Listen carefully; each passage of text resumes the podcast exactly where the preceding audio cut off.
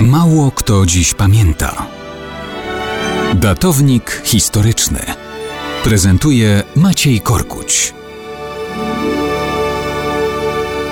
Zbyt mało osób dziś pamięta, jak ważną rolę odegrała obrona Warszawy w 1939 roku.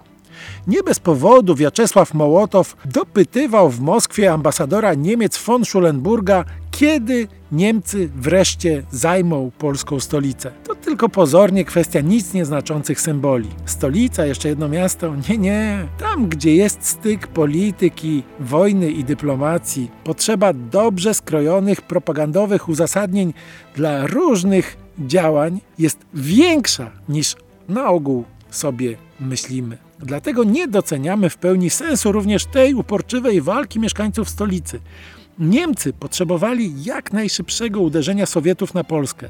Potrzebowali wojny błyskawicznej, a szybkie rozgromienie Polski mogło zapewnić frontalne uderzenie ze wschodu. Moskwa z kolei potrzebowała jednak pretekstu, uzasadnienia, które pokazałoby, że państwo polskie się rozpadło, a ona od wschodu bierze ludność w opiekę. Upadek Warszawy był potrzebny i jednym, i drugim agresorom, a stolica walczyła z uporem. Niemcy już 8 września byli przekonani, że padła.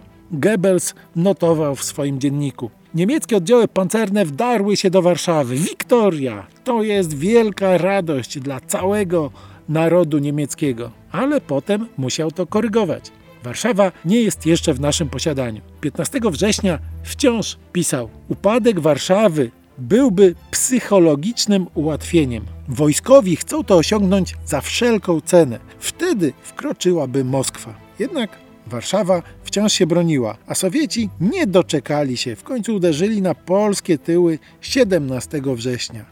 Co by było, gdyby zrobili to wcześniej? O ile szybciej zamknęłoby to nad Polską wieko trumny? O ile więcej jednostek nie miałoby szansy wydostać się w stronę Rumunii i Węgier? O ile więcej oficerów i żołnierzy zagarnęliby i Niemcy, i bolszewicy? To są pytania, na które nie trzeba odpowiadać. Jednak warto je stawiać, kiedy przypominamy o bohaterskiej obronie Warszawy, która zakończyła się dopiero 28 września 1939 roku.